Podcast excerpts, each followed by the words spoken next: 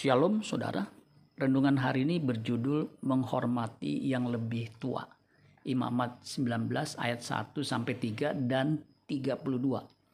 Tuhan berfirman kepada Musa, Berbicaralah kepada segenap jemaah Israel dan katakan kepada mereka, Kuduslah kamu sebab aku Tuhan Allahmu kudus.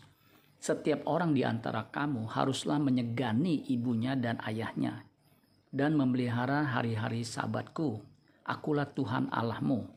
Ayat 32, engkau harus bangun berdiri di hadapan orang ubanan dan engkau harus menaruh hormat kepada orang yang tua dan engkau harus takut akan Allahmu. Akulah Tuhan. Setelah Tuhan berfirman kepada Musa untuk menyampaikan pesannya kepada umat Israel bahwa mereka harus kudus, lalu diikuti dengan satu perintah yang praktis mereka harus menghormati orang tua mereka dan orang yang lebih tua.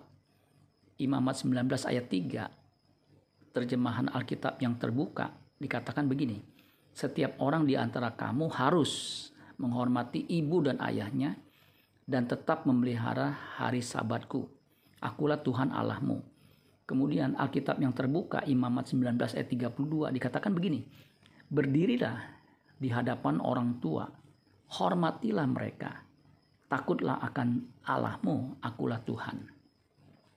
Orang yang mengaku takut akan Tuhan tetapi tidak menghormati orang tua atau orang yang lebih tua darinya adalah orang munafik.